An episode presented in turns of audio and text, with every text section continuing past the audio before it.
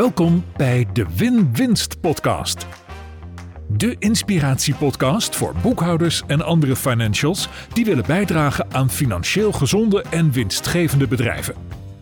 Femke Hogema gaat in gesprek met experts en ze deelt haar eigen kennis en ervaring. Laten we samen ontdekken hoe je succes creëert voor jezelf en je klant. Een echte win-winst. Ja, en ik heb vandaag in mijn studio Daan Smit. En dat vind ik echt super leuk. En waarom dat allemaal zo leuk is, nou, dat uh, ontdekken jullie waarschijnlijk wel gedurende dit gesprek. Daan is eigenaar van online marketingbureau Schmid Communicatie en van Storybrand Nederland. Hij is marketeer, spreker, maar zoals ik je heb leren kennen, Daan, vooral een man met een heel groot hart en oprechte aandacht voor zijn vrienden, klanten en andere relaties. Ik leerde Daan een aantal jaar geleden kennen toen hij de Storybrand methode en het boek Storybrand vanuit Amerika naar Nederland haalde. Daan nam contact met me op om te horen hoe ik dat proces met Profit First had doorlopen. En sindsdien hebben wij veel contact. Ik heb zijn Storybrand members een training Profit First gegeven en Daan gaf mijn PFP Mastery members een training Storybrand. En hij was eigenlijk ook al op twee keer op ProfitCon, dus uh, we hebben veel contact. Ik was de gast in zijn podcast, de Storybrand podcast, wat overigens echt een aanrader is. En nou ja, vandaag is Daan te gast in mijn podcast. Storybrand is ondertussen oprecht een succes in Nederland. Het boek wordt onwijs goed verkocht. De podcast is een groot succes. Er zijn al hoeveel Storybrand guides opgeleid ondertussen? Uh, ruim 40 Wauw. bureaus en uh, freelancers. Ruim 40 marketingbureaus en freelancers opgeleid als Storybrand Guide. En dan geef je ook nog heel regelmatig de gave tweedaagse Storybrand workshops, waar ook een aantal van mijn klanten al met veel succes en plezier bij zijn geweest. En Storybrand is dan ook echt een geweldig framework waar ik met Daan in deze podcast doorheen ga lopen. Daan, ik vind het geweldig om je vandaag in de studio van de Win-Winst podcast welkom te mogen heten. Dankjewel. Superleuk om hier te zijn. Ik heb er echt naar uitgekeken dat jij een podcast zou beginnen. Ja. Ik wist dat het zou gaan gebeuren. Dat vermoeden had ik al een tijdje. En uh, je deelde ook in je eerste podcast dat je die droom een hele tijd hebt gekoesterd. En uh, je hebt het volgens mij uitstekend voorbereid en goed geregeld. Dus, ja, uh, dankjewel. Ja, dankjewel. Het moment was echt, echt daar. Ja. ja.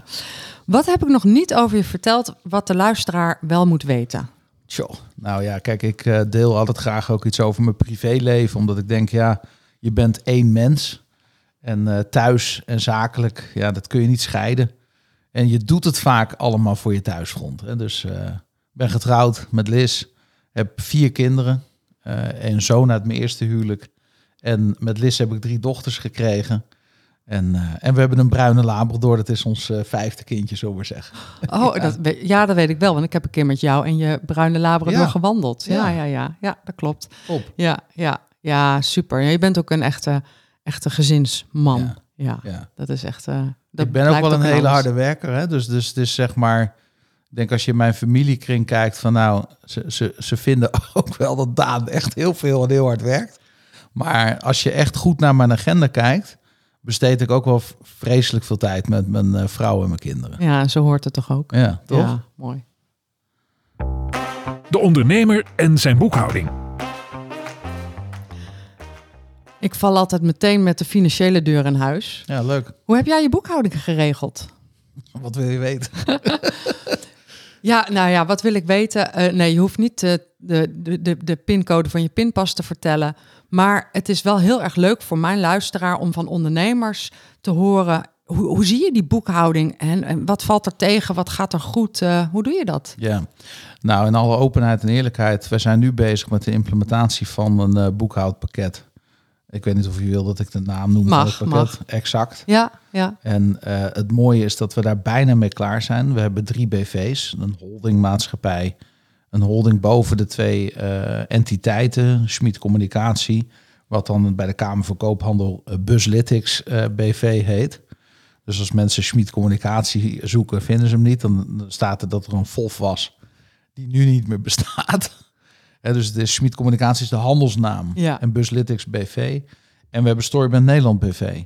En toen we uh, naar de transitie gingen van VOF naar BV-structuur, hebben we besloten van nou, laten we het dan meteen goed doen. Maar dan zie je dat dat nog best wel een hele reis is.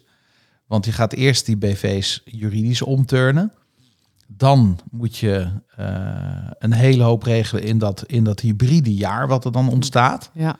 Uh, vroeger namen we gewoon een salaris uit uh, het bedrijf. nu hebben we ook een loonstrookje. dus er zijn heel veel dingen die erbij komen kijken. En we zijn bijna klaar met die implementatie. Want waar ik het meest aan uitzie. Kijk, boekhouden wil je niet met een achteruitkijkspiegel. Maar eigenlijk wil je real-time dashboards hebben, cashflow. Je wil alles zien en, en dat doe ik nu dus nog steeds in een schaduwboekhouding en exact. Wat, wat ik heel leuk vind. Dat is Ja. dus, dat, maar het is eigenlijk niet goed, want dat kost tijd Ja. en energie en je hebt iets minder. Je moet het overzicht echt creëren. ja, en je zegt de schaduwboekhouding dus naast exact. Ja, Ja. omdat het nog niet volledig klaar is en ik moet natuurlijk wel sturen. Ja, ja, Dus ik ben blij als eh, volgende maand de knop omgaat. ja. En, dan heb, en ik weet al hoe mijn dashboard eruit gaat zien. Heerlijk. Ja, want dat is dan ook mijn volgende vraag. Hè? Dat gaat dan over sturen. Wat, wat ehm, even ervan vanuit gegaan dat het over een maand staat, dat het up-to-date is, dat jij het ook, dat jij in je team de stukken tijdig aanleveren, zodat Ja. het ook altijd up-to-date kan zijn. Ja. Wat zijn dan de belangrijkste dingen waar je op gaat sturen? Nou, kijk, ehm, ik kom oorspronkelijk uit de sales. Hè, de- niet uit de marketing, maar uit de sales. Ja, Dus voor mij zijn sales KPI's super belangrijk. Daar krijg ik ook echt energie van. Dus daar zal ik zeker op sturen. Ehm, en eh, financieel wil ik vooral sturen op mijn cashflow. Kijk, uiteindelijk eh, heeft eh, Mike en jij zegt het ook altijd, een bedrijf is een cash-eating monster. Het, het is me altijd dat, dat ik heb er zo'n plaatje bij, weet je. Vroeger had je bij Sesamstraat zo'n cookie monster. Daar moet ik altijd aan denken. Uh, Aan dat beeld moet ik altijd denken als je het hebt over je bedrijf. Want het is natuurlijk gewoon waanzinnig hoeveel cash je nodig hebt in een business. En dat eh, je kan alles goed doen, maar als de cashflow niet goed is, zo, dan kom je best gauw in, in een stressvolle situatie. En heel eerlijk, ik dacht altijd als je heel veel omzet maakt, nou joh, dan eh, hè, straks als we zoveel verdienen, dan hebben we dat niet meer. Ja. Nou, tegendeel is waar. Dan moet je nog meer sturen op de cashflow, want je hebt personeel, je maakt investeringen, er zijn afschrijvingen die gedaan moeten worden. En soms vallen resultaten ook wel eens een periode tegen. Kun je dat dan opvangen? Ja, en wat je nu zegt is zo belangrijk, want er zijn oprecht zoveel ondernemers die denken, als dan, als de omzet maar, dan wordt alles beter.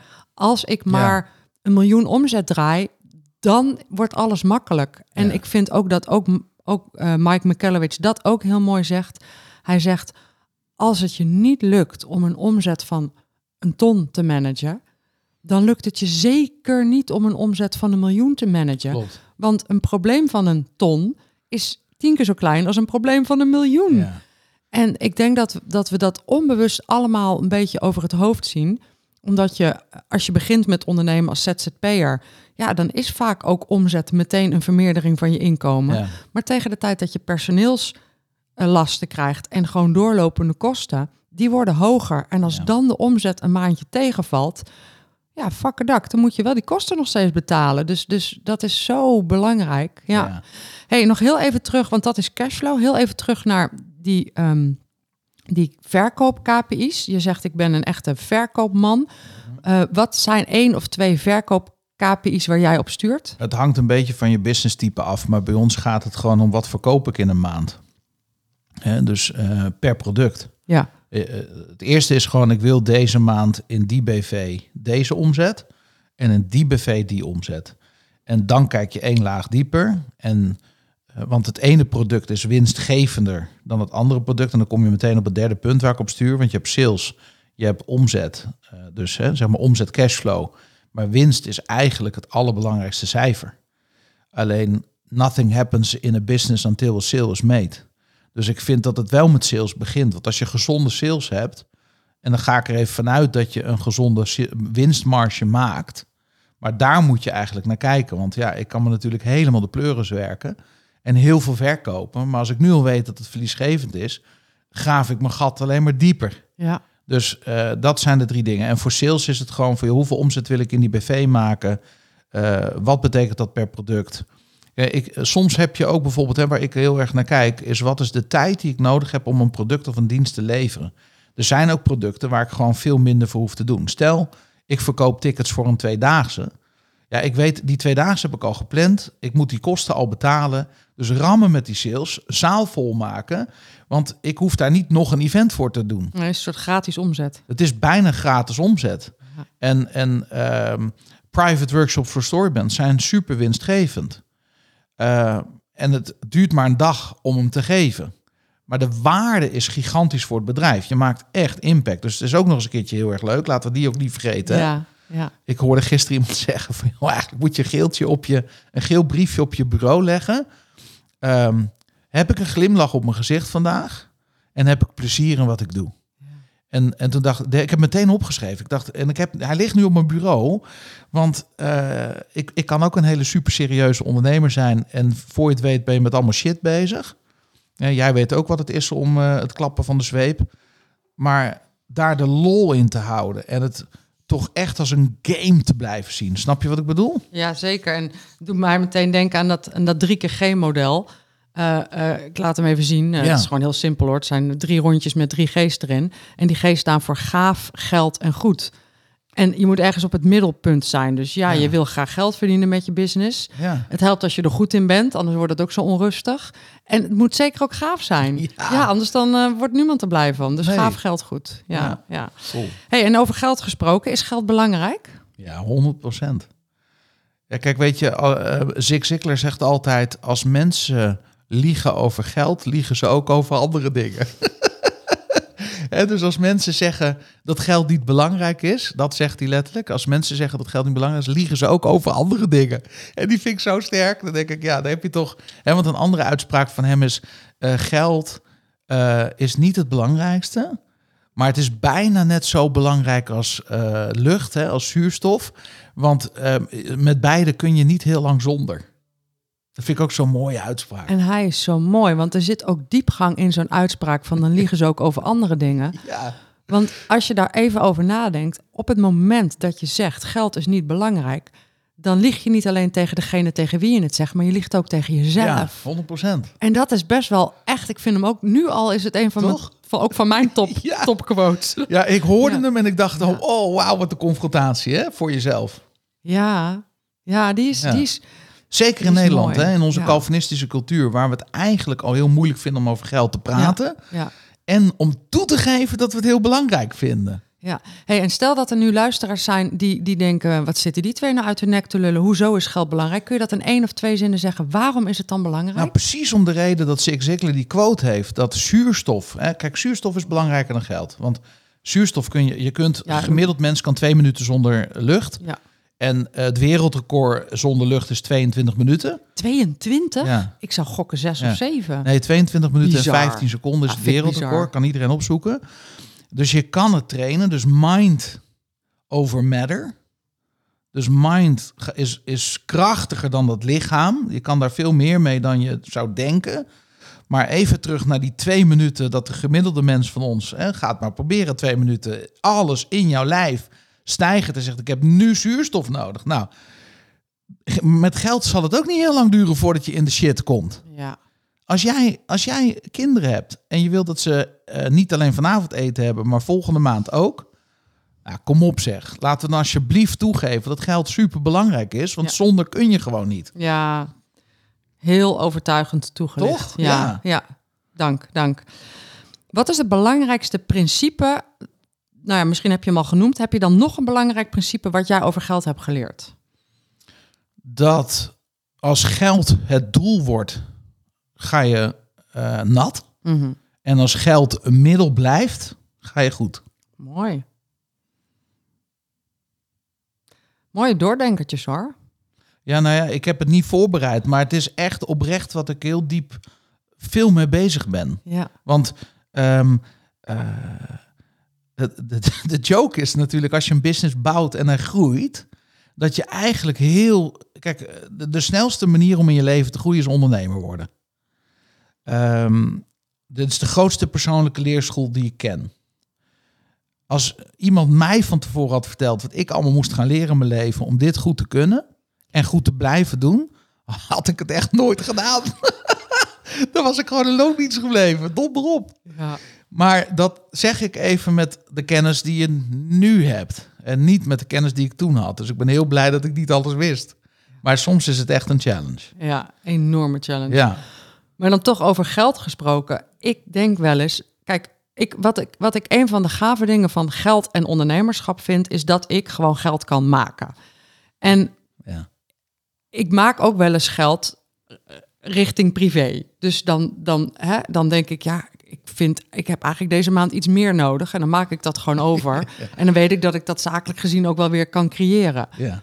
En ik heb Fijn, daar ook hè? wel grote dingen mee gedaan. Ik weet nog dat ik mijn trouwjurk kocht. En eh, dat is een heel verhaal apart. Dat is een heel leuk verhaal. Maar los daarvan, ik kocht Ja. mijn trouwjurk. En toen dacht ik, ja, dat kost ook wel serieus geld. Hoppakee, zakelijke pinpas erbij, trouwjurk gekocht. En Ja. fiscaal dat achteraf natuurlijk afgerekend. En ik denk dus wel eens, ik zou er bloednerveus van worden... als ik een salaris heb en geen bedrijf. En ik kan dus niet extra geld maken.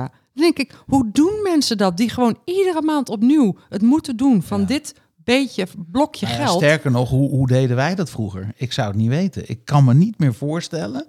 Ik kwam laatst nog een salarisstrookje tegen.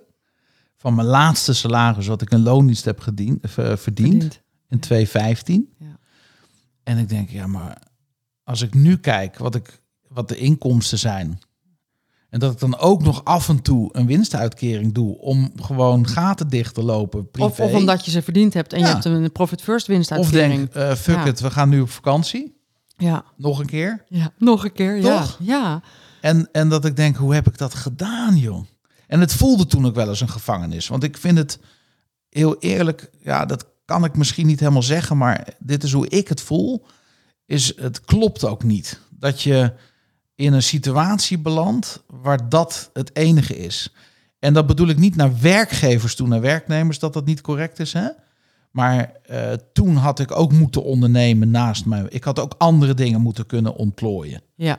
Dat. ja, want als geld energie is of zelfs zuurstof, dan moet je toch invloed hebben op de stroming daarvan. Ja, en ik had het toen, Ja, want ik liet Ja. me door twee bureaus, internationaal en nationaal, inhuren om trainingen te geven. ja, En dat was ook afgesproken met mijn werkgever. En dan nam ik soms vrije dagen voor op. Dat was dan wel het enige waarvan ik dacht van ja, want dat krijg je dan, hè? Dan moet ik dus mijn vrije dagen ingeleverd. Dus er zit altijd wel een bepaalde armoedegrens aan, vind ik. ja. Ja, ik zit terug te denken hoe ik dat ervaren heb toen ik een loondienst was. Want ik had echt gewoon alleen maar mijn salaris, die eerste tien jaar dat ik werkte. Daarna werd ik eh, vrij abrupt ondernemer. Ja. ZZP'er toen nog. Ehm, heb ik dat toen als... Ik weet niet meer zo goed of ik dat toen als gevangenis heb ervaren.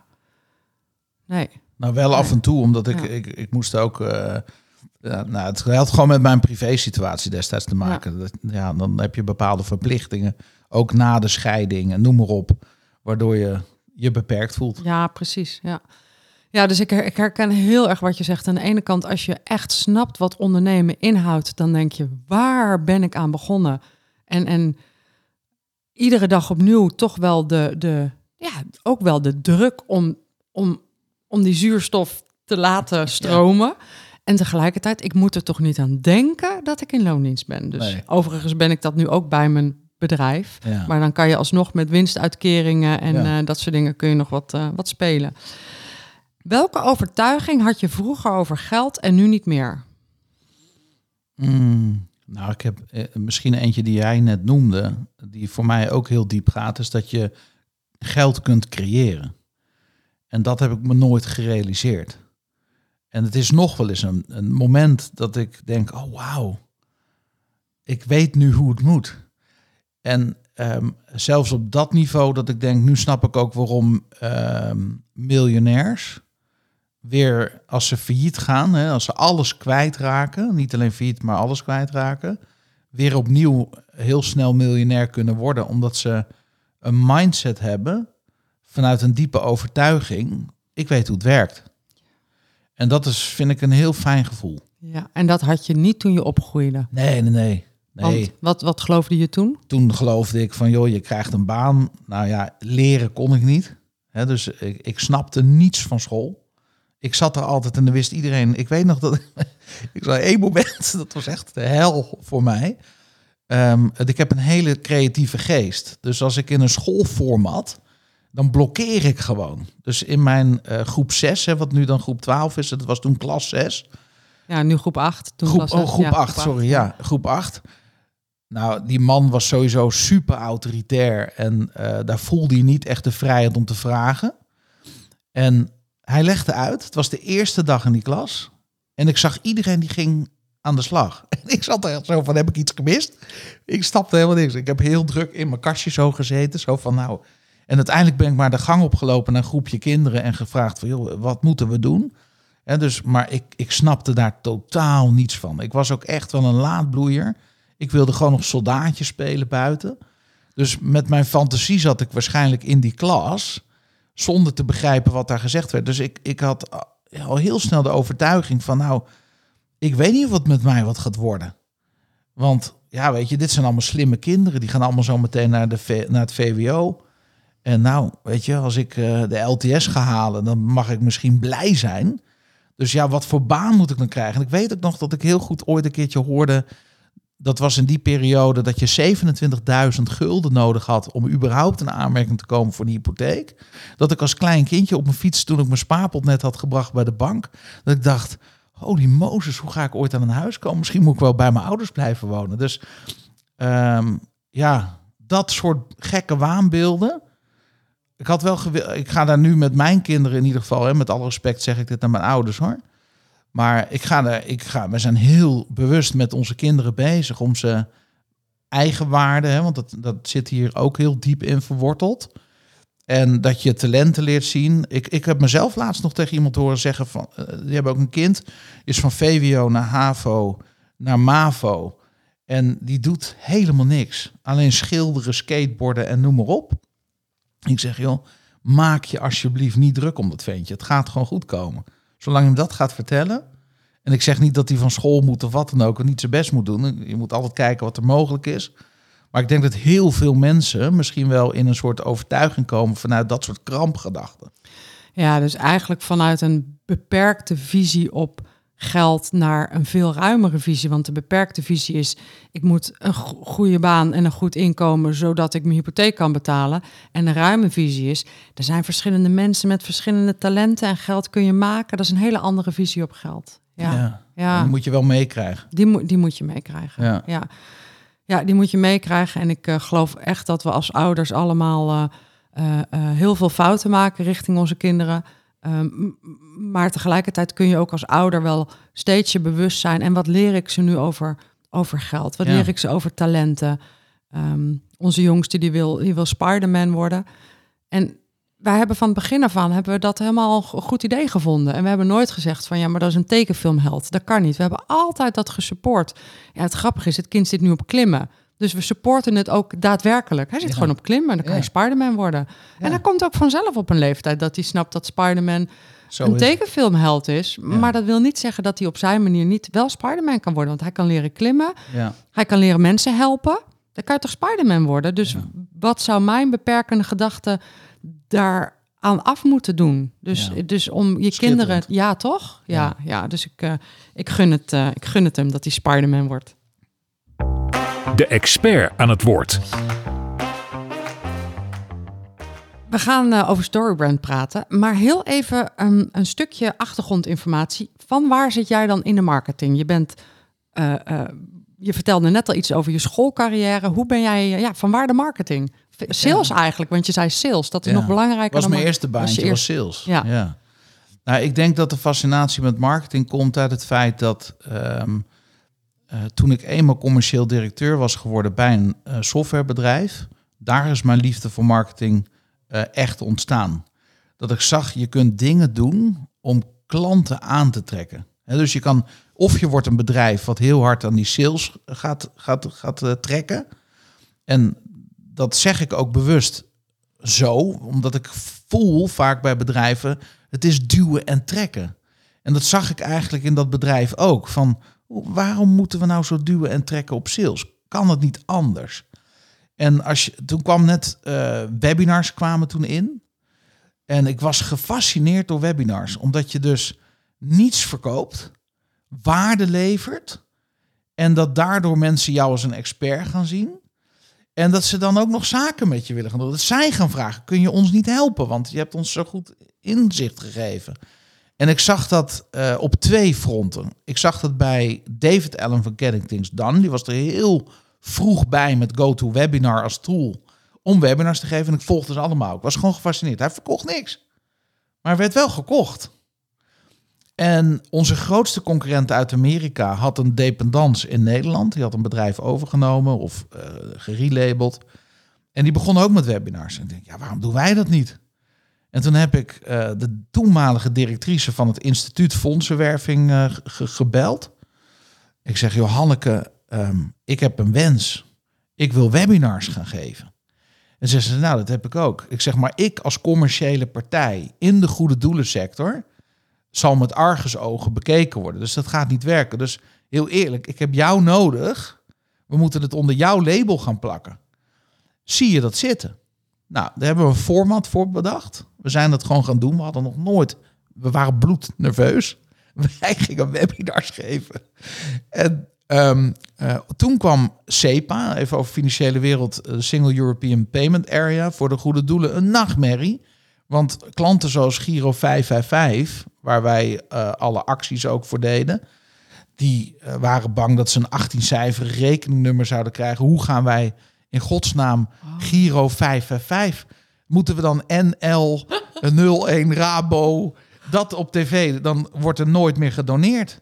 We moeten opeens donateurs gaan pre-notificeren. Weet je hoe gevaarlijk het is om een tientjesdonateur iedere maand even te gaan vertellen dat zijn tientje afgeschreven gaat worden? Die gaan allemaal opzeggen. Oh. Nou, er waren nachtmerrie-scenario's. En wij hadden een hele slimme jongen. En die heeft, had heel veel kennis over SEPA. En toen hebben we gezegd, wij gaan die slimme jongen gaan we inzetten in die content van die web. En we hebben drie webinars gegeven. We hebben niets verkocht. Alle klanten van de concurrenten gingen naar die webinars toe. Want wij gingen gratis vertellen hoe je dat moest oplossen. En ik zal nooit vergeten, de aanvragen vlogen binnen. Echt dat wij nachten hebben doorgewerkt om een Excel-document te maken met een wachtwoord erop. En dan kon je helemaal alles invullen wat bij jou speelde op SEPA. En dan kwam daar automatisch een offerte uitrollen. En die kon je versleuteld naar ons sturen. En dan konden wij zeggen, willen we deze klant aannemen of niet? Dus wij hebben zelfs klanten van concurrenten hebben we geholpen bij die SEPA-migratie. En toen hebben wij op een begroting uh, van een enkele miljoenen... hebben we iets van zes ton uit drie webinars gehaald. Wow. En daar is mijn fascinatie voor marketing ontstaan... omdat je kunt kiezen van of ik ga heel hard aan de salescard trekken... Maar marketing is alles wat je doet om prospects naar je business te krijgen en sales is om ze te closen. Dus zo ben ik sales gaan zien en marketing gaan zien. Geweldig verhaal. En, en je, je, in de laatste zin vat je het ook nog even samen wat dan het verschil is tussen marketing en sales. En marketing is natuurlijk niet alleen maar webinars geven. Nee, nee, nee. Maar dat was voor jou op dat moment een soort van ding waardoor je hele blik op marketing eigenlijk een, een nieuwe, nieuwe plek kreeg. Ja. Ja, wat goed. Ja, superleuk om te horen. Ik kende dit verhaal in deze zin nog niet. Nee. We gaan het hebben over Storybrand. En um, Storybrand gaat, klinkt als storybrand. Hè, er zit verhaal en merk in. Het gaat ook over het belang van verhalen, maar het is niet hetzelfde als storytelling. Dus wat is Storybrand? Ja, nou kijk, ik, heel eerlijk, ik, ik snap waarom mensen de term storytelling gebruiken. Dus laat ik vooropstellen dat iedereen van mij storybrand ook storytelling mag noemen. Mensen mogen me ook storytelling expert noemen als ze dat willen. Dus, dus die term, dat maakt me niet uit. Alleen misschien kan ik het wel duiden door het even uit elkaar te trekken. Dat je zegt van nee, storytelling is voor mij ehm, toch vaak, als ik, eh, als ik nu google op storytelling, kom ik artikelen tegen waar mensen gaan vertellen hoe jij als bedrijf, als merk, jouw verhaal gaat vertellen. En eigenlijk doet Storybrand exact het tegenovergestelde van wat wij in de volksmond storytelling noemen. Namelijk, het gaat er helemaal niet om wat jouw verhaal is. Eigenlijk moet je ontdekken wat het verhaal van je klant is, daarop aansluiten. Want dan hoef jij, het is, dat is veel makkelijker. En de, ja, en want Storybrand is in is een, is een format waarmee je marketing doet. Ja. En waarmee je marketing doet, waarbij je, en daar komen we straks nog wat dieper op hoor, maar wa- waarbij je de klant de hoofdrol geeft. Ja. Ja, en dat is iets tegenovergestelde van storytelling, waarbij je jezelf de hoofdrol, hoofdrol Ja. geeft. Ja. Ik ga er Engels Ja. van praten. ja. Overall. ja, en ehm, ik, Storybrand is nog heel nieuw in Nederland. En jij en ik delen een ervaring, want we hebben exact dezelfde ervaring. Ik las het Profit First boek, het Engelse boek, en ik dacht, holy fuck, dit zouden alle ondernemers moeten weten. Ja. En jij las het Storybrand boek, volgens mij in het vliegtuig. Ja, en eh, eh, het is, gelukkig was het een vliegtuig, dus moet je er op een gegeven moment uit. Anders was je blijven zitten tot de eindhalte, volgens mij. Eh, vertel eens over hoe die ervaring voor jou was. Wat was het waardoor jij dacht: holy fuck, dit, is, dit moeten alle ondernemers weten? Twee dingen. Eén, ik las in het boek. Ehm, ik las dat het brein van je klant op een bepaalde manier werkt. Dat als je weet hoe dat brein werkt, gewoon vanuit de wetenschap, dan kun je daar rekening mee houden in je marketing. Dat was voor mij zoiets van, hè, waarom heeft niemand me ooit dit verteld? Dat, dat, eh, kijk, we kennen nu neuromarketing, daar heb ik het nog niet eens zozeer over, maar echt het principe dat het brein altijd aangetrokken wordt tot duidelijkheid en weggaat van verwarring. Dat was zo'n ding wat ik las. En dan ook nog, en dat vond ik het mooie van Donald Miller, dat hij het praktisch maakt naar hoe doe je dat dan? En het tweede wat ik las, je klant is de held. Jij bent de gids. Die paradigmaverschuiving, ja, iedereen begrijpt het wel. Ik denk dat niemand het met ons niet eens is dat de klant de held is, dat die centraal moet staan. Maar ja, hij geeft gewoon, net als Profit First een framework is, hè, het is heel praktisch, dit is wat je moet doen om te zorgen dat je winstgevender bent. Ik ben Profit First door jou in mijn bedrijf gaan toepassen en heb twee auto's kunnen kopen in een paar maanden tijd door gewoon en, en cash. Hè? Ik heb ze gewoon betaald. Nou, één heb ik een financial, fi- eh, financial lease gedaan, omdat ik dacht van ja, als ik deze 20.000 euro ook nu uit mijn eh, BV trek, is gewoon niet slim. Maar die andere heb ik privé gekocht. En echt een hele mooie auto. Liz rijdt erin, is er nog steeds heel blij mee. Echt op profit first. Dus het is een principe.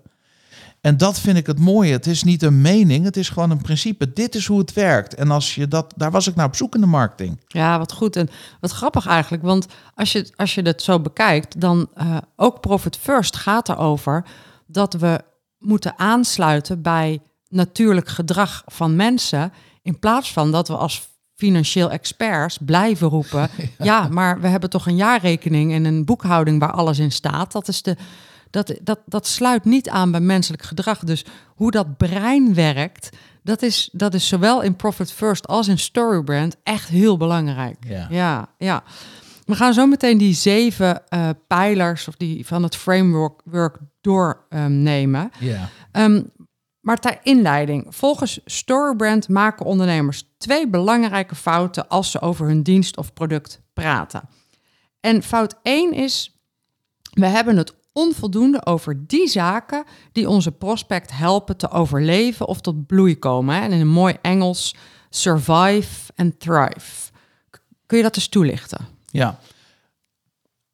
Op het moment, wij allemaal als ondernemer, we zijn in het laboratorium geweest. We hebben gewerkt aan een product, gewerkt aan een dienst. We, we, we hebben ons verdiept in onze klant. We snappen hun probleem. En daar hebben we een oplossing voor bedacht. En dan kom je het laboratorium uit, je trekt je witte jas uit, je zet je veiligheidsbril af en je gaat aan de hele wereld verkondigen: ik heb de oplossing. En iedereen kijkt je aan en die denkt: wat? Je, je oplossing gaat namelijk eigenlijk niet over de klant. Want de klant weet nog niet. Want, want die gaat dan roepen van ja, maar wat, wat, waar, waar heb je een oplossing voor? Ja, nou, ik, ik kan dit voor je betekenen, ik kan dat voor je doen. En dit is de fout die we maken, dat wij vanuit ons enthousiasme en onze goede bedoelingen, ik doe het soms zelf ook nog, hè? Kan echt wel voorbeelden geven waar ik het nog steeds wel eens misdoe.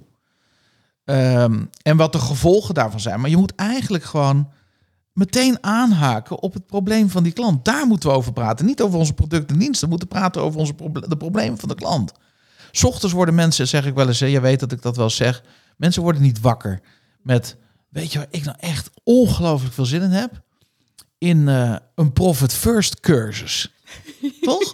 Nee, nee, Of eh, nee, een story brand framework. nee. Niemand wordt wakker met een oplossing in zijn hoofd. Mensen worden wakker met shit in hun hoofd. Ja, Waarom zegt mijn boekhouder of accountant dat ik winst heb gemaakt en zie ik het niet op mijn rekening? Daar worden mensen wakker van. En waarom heb ik een geweldige dienst en koopt niemand het? Daar word ik wakker van. Ja. ja. En het grappige is, ik, ik, ik weet zo goed nog dat ik deze fout maakte. Ik weet gewoon nog het moment, want ik, ik zat in een. ehm, eh, ik heb natuurlijk heel vaak deze fout gemaakt, maar ik weet ook nog één moment. Ik Ja. zat in een eh, seminar ehm, en de trainer van dat seminar, en er wa- waren wel, wel 200 mensen in de zaal. Het was een grote, groot seminar, twee dagen. En de trainer, of de, de, de- ja, de organisatie, de trainer, die kwam naar me toe. En zij zei, eh, ze kwam met mij praten. En goh, hoe is het met je? Wat doe jij? Ja. En ik wilde haar wel als klant. Dus ik zei, ik geef trainingen jaarrekening lezen aan ondernemers. En ik dacht, zij moet mijn klant worden, want zij heeft een gaaf bedrijf. Dus zij moet ook leren mijn oplossing, jaarrekening lezen. En zij werd geen klant. En ik heb daar echt gewoon wel een paar jaar gewoon van lopen balen. Van, hoezo is zij nou mijn klant niet geworden? Maar ik verkocht alleen maar de oplossing, namelijk een training jaarrekening lezen. Jaren later haal ik Profit First naar Nederland. Zij werd mijn eerste klant. Ja. En zij zei, ja, maar nu spreek je mij pas aan in mijn probleem. En toen dacht ik, oh, Ja. ja. Ja. Bijzonder, hè? En heftig ook. Ja, dat is heel heftig. Ja, want ik was altijd al goed in wat ik deed. Maar ik wist gewoon niet om dat aan de man te brengen. Ja. Of in dit geval aan de vrouw te brengen.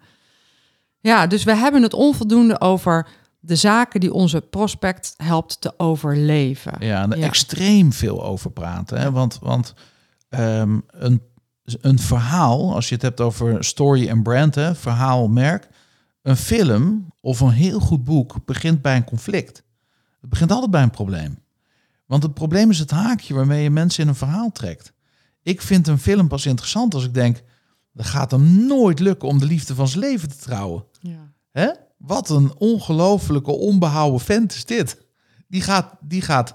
En die andere kerel, hè, die, die gaat het. Nou, die maakt wel kans. En dan eh, zit ik op het puntje van mijn stoel. en denk ik, gaat het lukken, ja of nee? Het conflict. Of iemand moet eh, eh, een vijand verslaan. Of een bom onschadelijk maken. Of wat het ook maar is. Het begint met een conflict. ja, het begint met een conflict. Ja. Ja, en ook, ook de, de, de, de boekhouder en de accountant en de fiscalist... die vallen te snel in de valkuil van gewoon de oplossing verkopen... of het product aanbieden. Ja, Ik kan jouw boekhouding voor je doen. Ja, dat is niet het probleem van de klant. nee. Het probleem van de klant is dat hij, dat hij de rekeningen niet kan betalen. Dat hij wakker daarvan ligt van het niet kunnen betalen van de rekeningen. Dat hij geen, niet genoeg winst maakt. nee. Of zoals eh, jaren geleden, dat, die heb ik als casus in het boek eh, De Winstadviseur. Mijn klant die echt 80 uur per week werkte. En dat ik naar zijn cijfers keek. En dat ik tegen hem zei, je had beter een krantenwijk kunnen nemen. Had je meer verdiend. Ja, dat Dat, heftig. dat Ja. zijn de echte problemen. Ja. En dat is niet dat hij zijn boekhouding niet kan doen. Nee. Nee. Fout 2 is, we creëren ruis. Als we ons aanbod aan een prospect uitleggen, laten we de prospect te veel calorieën verbranden. If you confuse, you lose. Ja. Dus als we één combineren met twee, dus we praten te veel over onze oplossing, we zijn niet duidelijk in, het probleem wat we oplossen. En we, we doen het ook nog eens een keer op een manier dat iemand heel veel calorieën moet verbranden. Dus het is ingewikkeld, het is moeilijk, het is lastig te begrijpen. Voor boekhouders kan ik me zo voorstellen dat je best wel veel vaktermen hebt die eh, je niet eens meer bewust bent dat die er zijn en dat het niet voor iedereen vanzelfsprekend is. En menselijke natuur is gewoon, als jij drie keer een afkorting gebruikt die ik niet ken, ja, de eerste keer durf ik misschien nog te vragen. Eh, of vind ik misschien niet durven, maar wil ik het nog vragen? Hè? En de tweede keer denk ik al van, nou ja, moet ik nou weer? Weet je, je voelt je op een gegeven moment gewoon dom. Heel veel ondernemers voelen zich bij boekhouders en accountants dom. Schomen al, die krijgen het al zwe die gaan al zweten, want het is ook nog eens een keertje iets. Ik moet het goed regelen, maar het is een noodzakelijk kwaad. Dus zeker in een business waar het noodzakelijk kwaad is, moet je helemaal terug naar het probleem. Want het is geen noodzakelijk kwaad. Als ondernemer moet je het gaan liefhebben. Je moet het gaan omarmen. Het moet leuk gaan worden.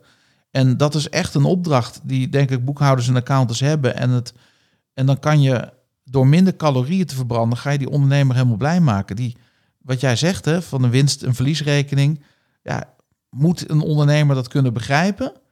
Of moeten we als boekhouder, accountant zorgen dat hij de implicaties ervan begrijpt? Ja. Dat is eigenlijk waar het over gaat. En ik denk dat we dat onderschatten. Ik denk dat we te snel denken, ja, stel je niet zo aan, Daan. Uh, ik heb best wel slimme klanten. Die snappen heus wel wat een winst- en verliesrekening is. En uh, zoveel vakjargon gebruik ik niet. Dus deze tip geldt niet voor mij. Ja. Is dat terecht? Nou, dat is een, fijn dat je dat zegt. Want um, in het boek Storybrand gaat het over de gap of knowledge. En op een schaal van 1 tot 10, als jij in het laboratorium hebt gezeten, je hebt al je studies gedaan, je hebt al je certificaten gehaald, je blijft je kennis met je PE-punten, heet het geloof ik, op peil houden. Je blijft naar ProfitCon komen, je leest alle boeken van Femke, je luistert de podcast. Hè? Nee, maar ik bedoel, serieus. Je blijft aan je kennis spijkeren. Dan weet je op een schaal van 1 tot 10 misschien wel 11 of 12. Ja.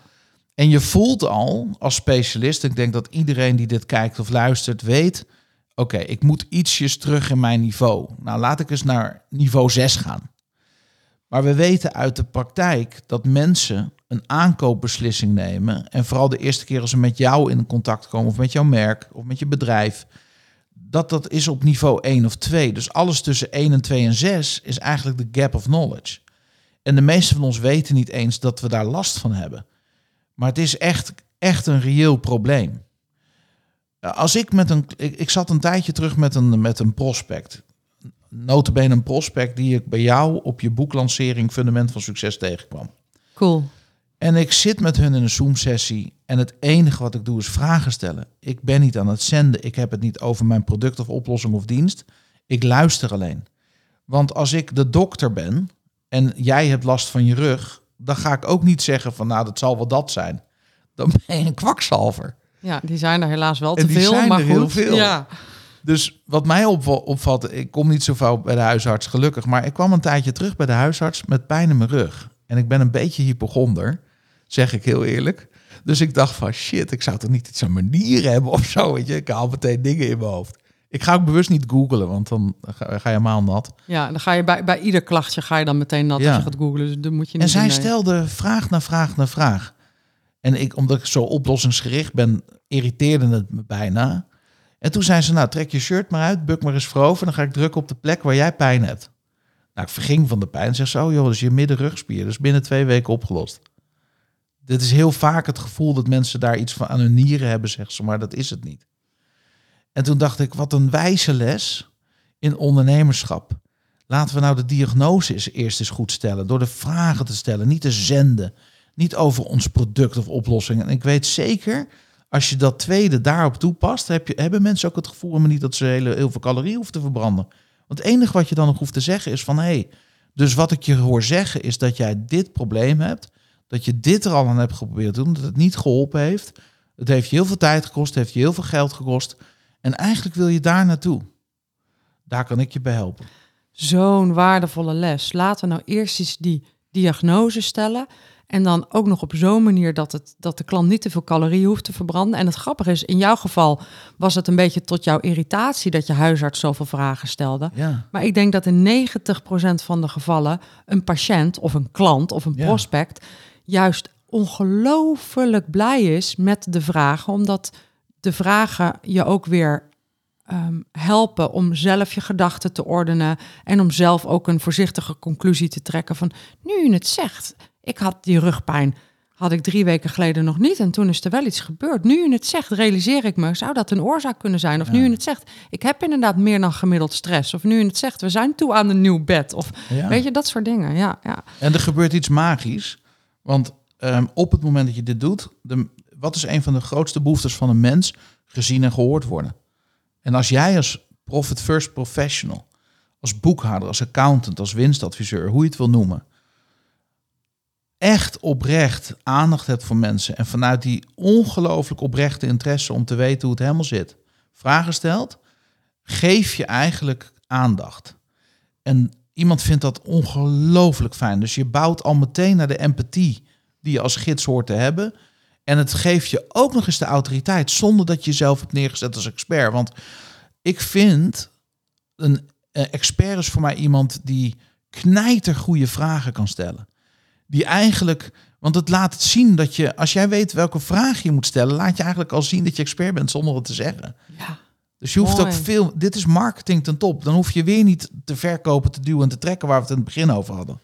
Als jij weet welke vragen je moet stellen, laat je al zien dat jij de expert bent en dus de Ja. autoriteit hebt. Ja. ja super mooi.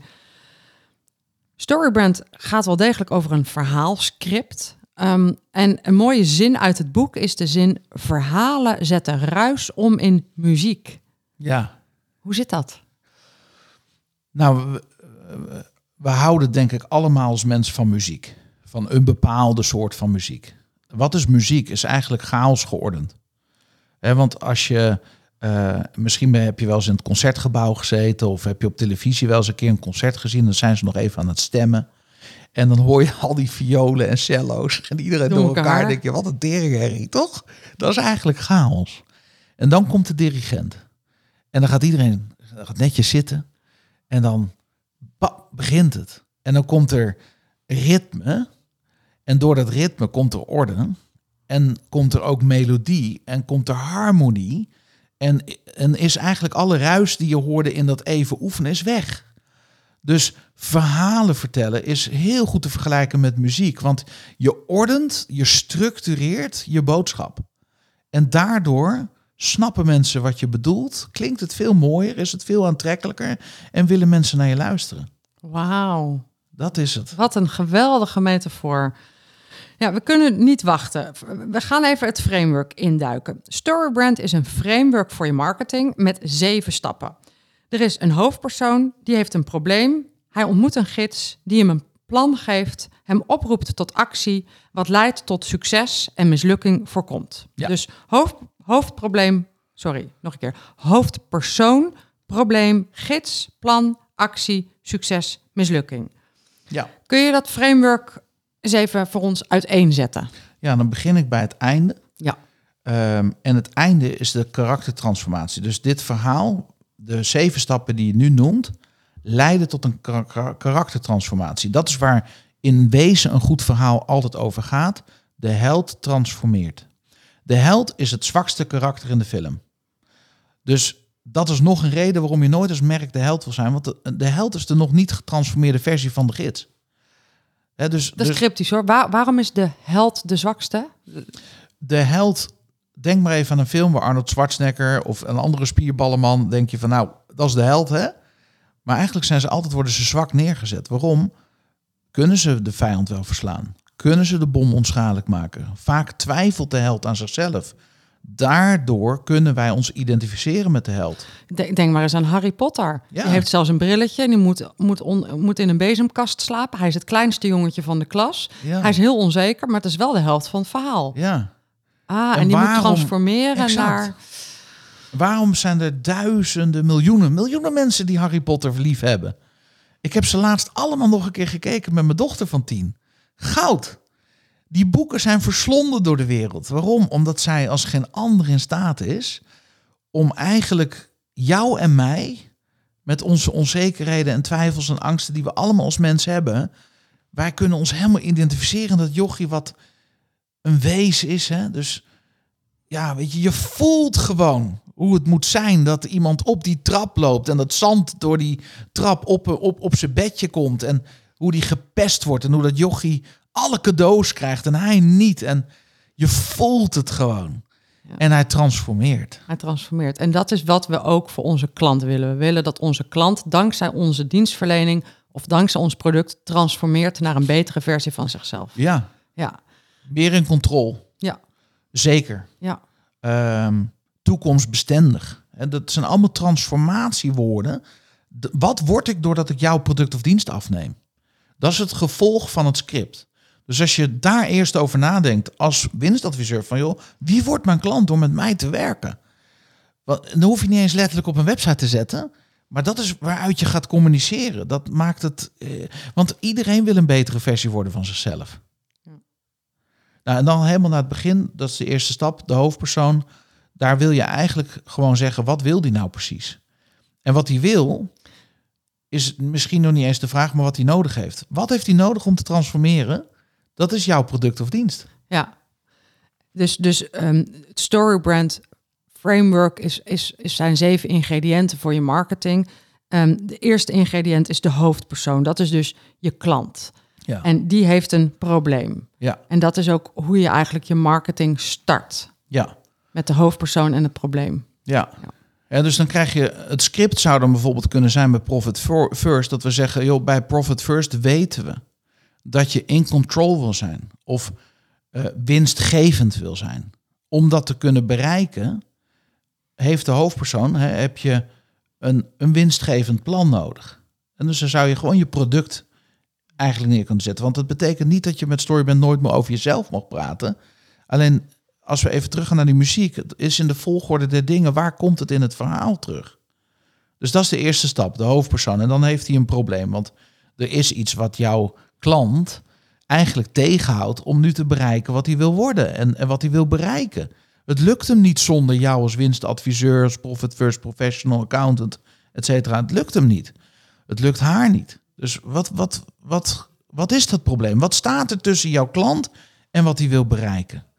Nou, dat is op drie niveaus. Extern, wat is het probleem? Nou, dat zou bijvoorbeeld kunnen zijn, ik heb die kennis en dat inzicht niet. Ik weet niet eens hoe het moet. Um, intern, hoe voel ik me erover? Nou, ik, ik vind het gewoon frustrerend dat ik als ondernemer boekhouder naar boekhouder heb versleten en ik maak nog steeds geen winst. Ik heb geen plan. Ik weet niet hoe het werkt. Er is niemand die me helpt. Ik voel me gewoon, ik voel me misschien wel onzeker erover. Dus er is een emotie door het probleem. En filosofisch zou je kunnen zeggen, want elke film gaat eigenlijk ergens over een thema rondom goed en kwaad. Dus wat zou je nou kunnen zeggen als boekhouder, als winstadviseur, dat je zegt, joh, maar wij geloven dat het helemaal niet nodig is om een financieel expert te worden en toch grip te hebben op je financiën. Zo'n statement zou je kunnen maken, waardoor het opeens heel krachtig en duidelijk wordt. Maar, maar oh wauw, als jij dat zegt, het is eigenlijk een filosofisch statement waardoor je, daar kan je het alleen maar mee eens zijn. En dat trekt jou dat verhaal in. Dan denk je van, oh man, Femke snapt mij, daar moet ik zijn. Ik koop een kaartje, ik kom de ProfitCon. Dat is wat er gebeurt bij mij. Ja. Dus dat is het probleem. Het is heel belangrijk om daar veel over te praten, want uh, twee jaar geleden was ik een webinar aan het geven voor Storyband en ik verkocht nul tickets in het webinar. Ik dacht, wat doe ik fout? En J.J. Peterson, uh, de rechterhand van Donald Miller, die had ik even in een Zoom-call en die zegt van, joh, Daan, ik heb je webinar niet gezien. Maar even zonder het gezien te hebben, heb je wel genoeg over het probleem gepraat? En ik dacht, nee, ik heb mijn hele webinarscript veranderd. 80% over het probleem gepraat. Voelt heel ongemakkelijk. Denk, joh, maar ze weten toch een probleem? Nee, dat weten ze helemaal niet. Het is net als bij de dokter. Ik, ik kan wel zeggen dat ik pijn in mijn rug heb, maar weet ik veel waar het door komt. Dus er moet een analyse gemaakt worden. Dus als ik een webinar geef waar ik van de 60 minuten, 40 minuten praat over het probleem, weet je wat er dan bij de luisteraar gebeurt? Hij snapt mij. En, en ik ging gewoon, nee, je hebt een marketingplan nodig, zijn vijf stappen, bam. Koop een ticket, kom naar de tweedaagse. En ik verkoop er geen één. Nee. En ik verander het script en ik praat alleen maar over het probleem op het ongemakkelijke af. En na dat webinar was ik voor eens en altijd genezen. En overtuigd van het feit, mensen hebben recht om te weten wat hun probleem is. Ze weten het niet eens. Ook een mooie. Mensen hebben recht om te weten wat hun probleem is. Ja, weet je waarom? Omdat ze anders op de verkeerde plekken gaan zoeken naar een oplossing. Ja, ja. En als je kijkt naar websites of folders of webinars of andere marketinguitingen van mensen die niet het storybrand script volgen, dan praten ze dus en liever over zichzelf in plaats van over de klant en liever over de oplossing in plaats van over het probleem. Ja. Dus dat zijn al twee dingen die niet zo handig zijn. We hebben ergens geleerd dat je niet over problemen praat, want dat schikt alleen maar af. De brenger van slecht nieuws wordt als eerste afgeschoten. Is niet zo. Ja. Je moet je laat eigenlijk zien hoeveel begrip je hebt van een situatie als je het probleem kunt analyseren. Ja, ja, ja. Oké, dus we hebben een hoofdpersoon, een probleem. En dan komt de gids. dus in een verhaal, neem even Lord of the Rings, hebben de meesten misschien wel gezien. Frodo, dat kleine schattige ventje met zijn vriendjes in dat dorpje. Dus rust, dus vrede. En bam, opeens komt er uh, uh, een probleem, want er moet een ring in het vuur worden gegooid. Dus er komt een conflict. En hij denkt meteen van ja, maar dan moet ik weg uit mijn dorp. Ik zit hier net lekker vuurwerk af te steken. We hebben hartstikke veel lol met z'n allen. Het is mooi groen en... Ja, het wordt natuurlijk prachtig afgebeeld. Hè? Het is de reluctant hero, heet het in de filmindustrie. Want het is eigenlijk de held die helemaal niet... Ik wil wel afvallen, maar ik wil niet naar de sportschool. Ik wil wel winnen, maar ik moet niet die strijd hoeven te voeren. Want dat kennen we uit ons leven. Ik wil wel een winstgevend plan, maar jeetje, moet ik helemaal een plan gaan maken. Ja, of ik wil wel winst, maar ik wil geen plan maken. Ja, ja, ja. En dan komt Gandalf. ja. Dan komt de gids. En die brengt hoop. En dan gaat de emotie van de film gaat omhoog. Want opeens denken we, oh, de gids. Er is iemand die, het al die weet het al hoe het moet. En de gids is heel simpel. Jij als ondernemer, als winstadviseur gaat laten zien twee dingen. Empathie, ik begrijp je. Ondernemer, je bent niet alleen, je bent niet de enige. Ik snap hoe je je voelt. En ik heb de autoriteit om te helpen. Ik kan ook bewijzen door mijn ervaring, door mijn, nou wat dan ook, tevreden klanten, testimonials, al die dingen die autoriteit hebben, meestal niet zoveel moeite mee. Maar combineer het nou eens met empathie. Ja. Dan komt het nog krachtiger binnen. Dus we moeten wel degelijk ook laten zien wie wij als gids zijn. We moeten Ja. onszelf niet overslaan. En de twee Nee. belangrijke dingen zijn empathie, ik snap jou, en, en ehm, autoriteit. Ja. Ik, ik kan dit echt. Je kan heel veel over jezelf vertellen, zolang ik maar voel en ervaar dat het in mijn belang is. Dus als jij over Femke praat en over Profit First en over jouw methodieken en als de winstadviseur die nu luistert kijkt en denkt, maar hoe moet ik dat dan doen? Nou, eigenlijk door steeds te relateren naar waarom dat voor mij belangrijk is, waarom dat voor mij relevant is. Dat is, dat is de issue. Ja. Eigenlijk, dit script zit eigenlijk ook al in het, eh, daar hebben we het nog nooit over gehad, maar het zit ook in het verkoopgesprek. Ook in het verkoopgesprek moet je niet beginnen met ik. Ik ben de held en ik zal je eens even vertellen hoe goed ik ben en hoeveel klanten ik al heb geholpen. Klopt. En, eh, en, en vervolgens mijn oplossing, eh, wat het dan kost. En daar begin je allemaal niet mee. Je begint met, met jouw prospect en zijn probleem. Ja. En pas daarna ga je het hebben over Ja. jezelf. Leuk dat je dat zegt, want ik, mijn hart ligt in sales. Ehm, waarom? Omdat ik Zig Ziglar nog maar een keer wil quoten. Het meest nobele beroep op aarde is dat wij... eh, het meest nobele beroep op aarde is verkoop. Want verkoop doe je niet...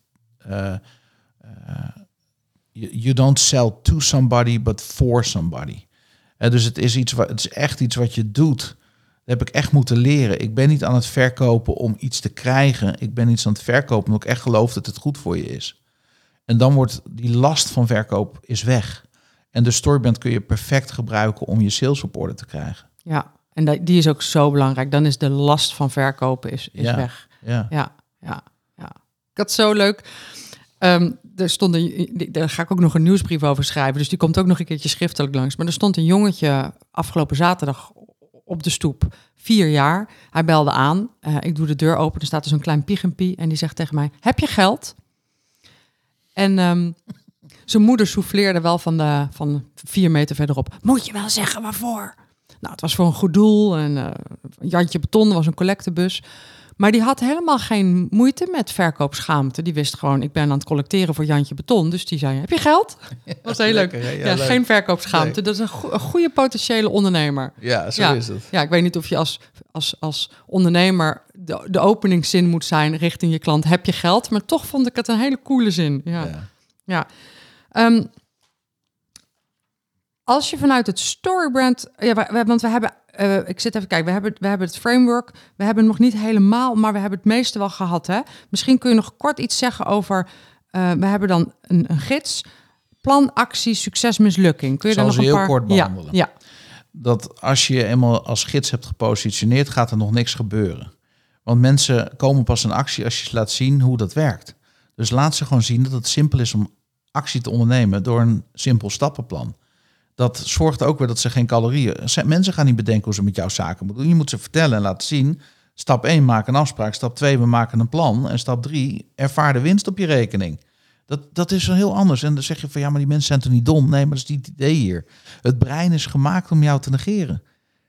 Dat zegt zo. En je wil minder calorieën verbranden. Exact. Weg Ja. van de pijn. En in alle eerlijkheid, er zijn nog steeds websites waar je waar je, waar je je horen dol moet zoeken om erachter te komen hoe je iets kan kopen. Ja. Ja, ik kom nog steeds websites tegen waarvan ik denk, zo. je, je, je wil echt niet iets aan mij verkopen, want het is onmogelijk om hier iets te kopen. Ja. Ja, dat is toch bizar. Ja, dat is eh, bizar. Dus dat ja, is dus plan. dat is plan. Dan heb je de call to action.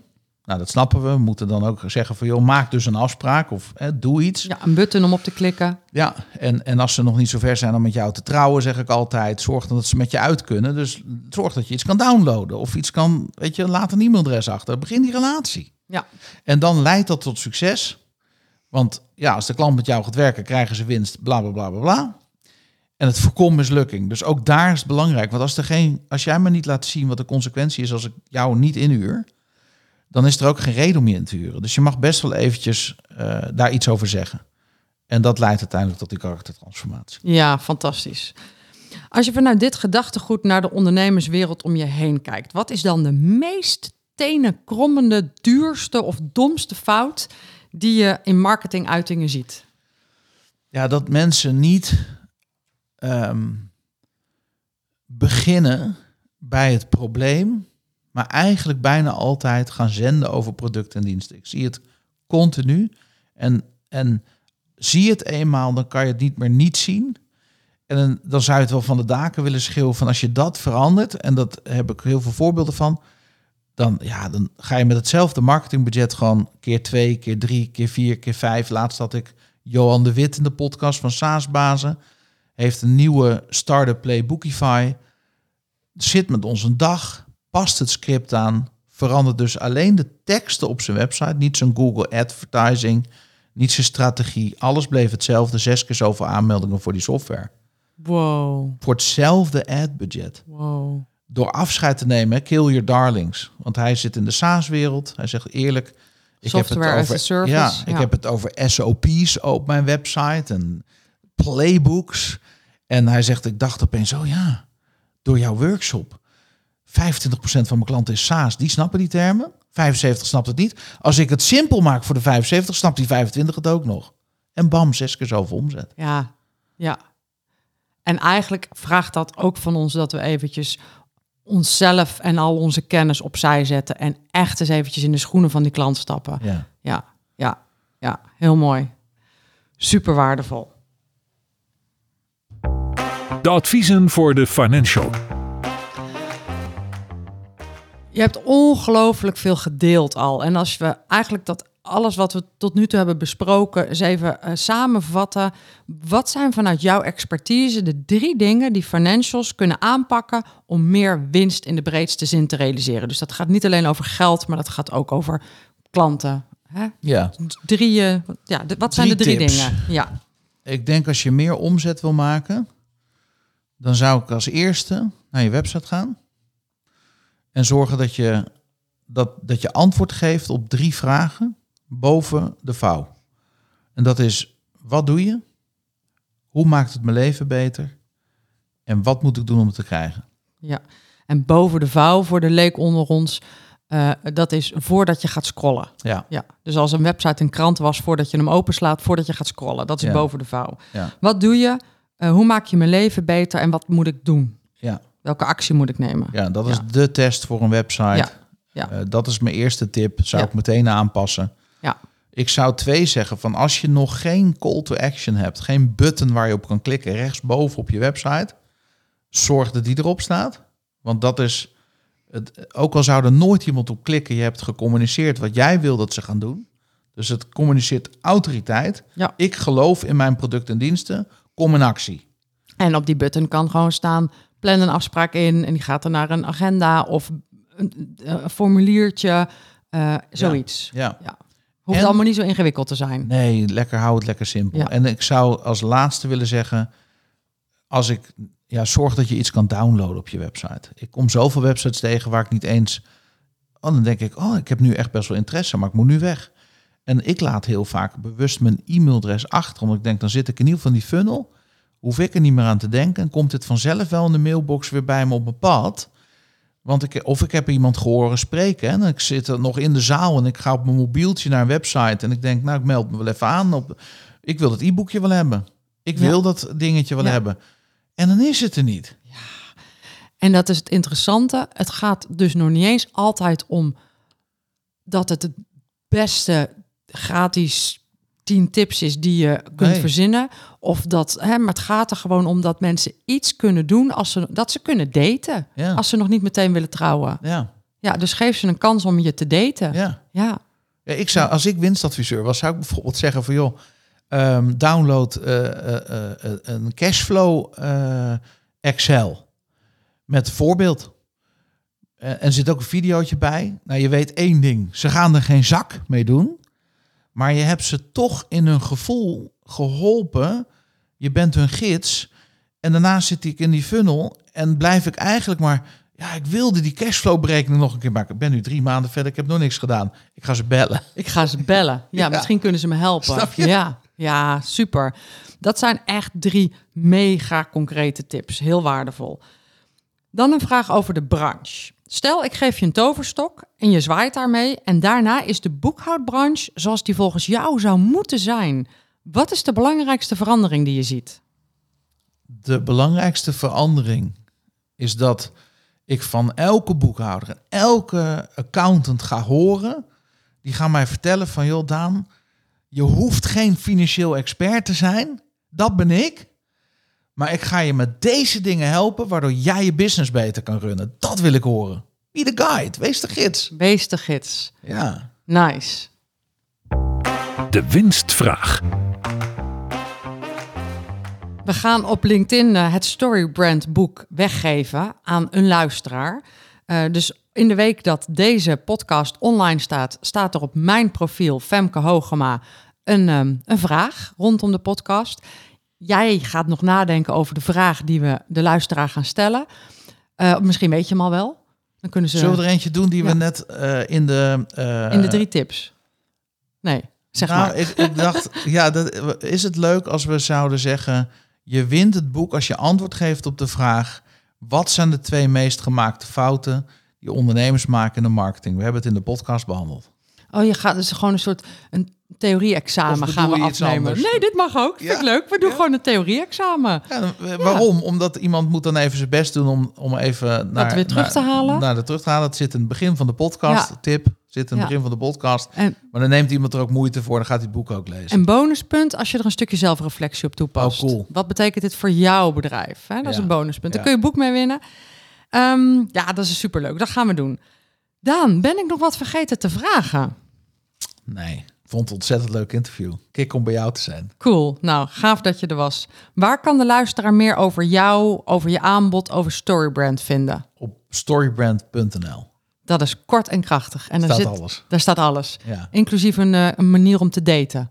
ja, Ja, ja, zeker. ja, heel Ja, goed, Die heel gaan ze vinden. Ja, heel goed. Super tof. Je luisterde naar de Win-Win podcast voor de ondernemende boekhouder. Je zou me enorm helpen als je een review geeft in de podcast-app waar je nu mee luistert. Geef bijvoorbeeld 5 sterren en laat weten wat je grootste inzicht is. Je maakt mij daar heel blij mee, want we trekken meer luisteraars aan en tegelijkertijd hebben meer mensen baat bij de inzichten van geweldige sprekers zoals Daan of een van de andere sprekers. Heel graag tot volgende week op woensdag Win-Winsdag. En abonneer je op deze podcast, dan krijg je vanzelf een seintje als er een nieuwe aflevering online staat. Daan, het was geweldig hier in de studio te hebben. En eh, ik eh, ja, dank voor al je waardevolle informatie en inzichten. Heel graag gedaan. Dankjewel.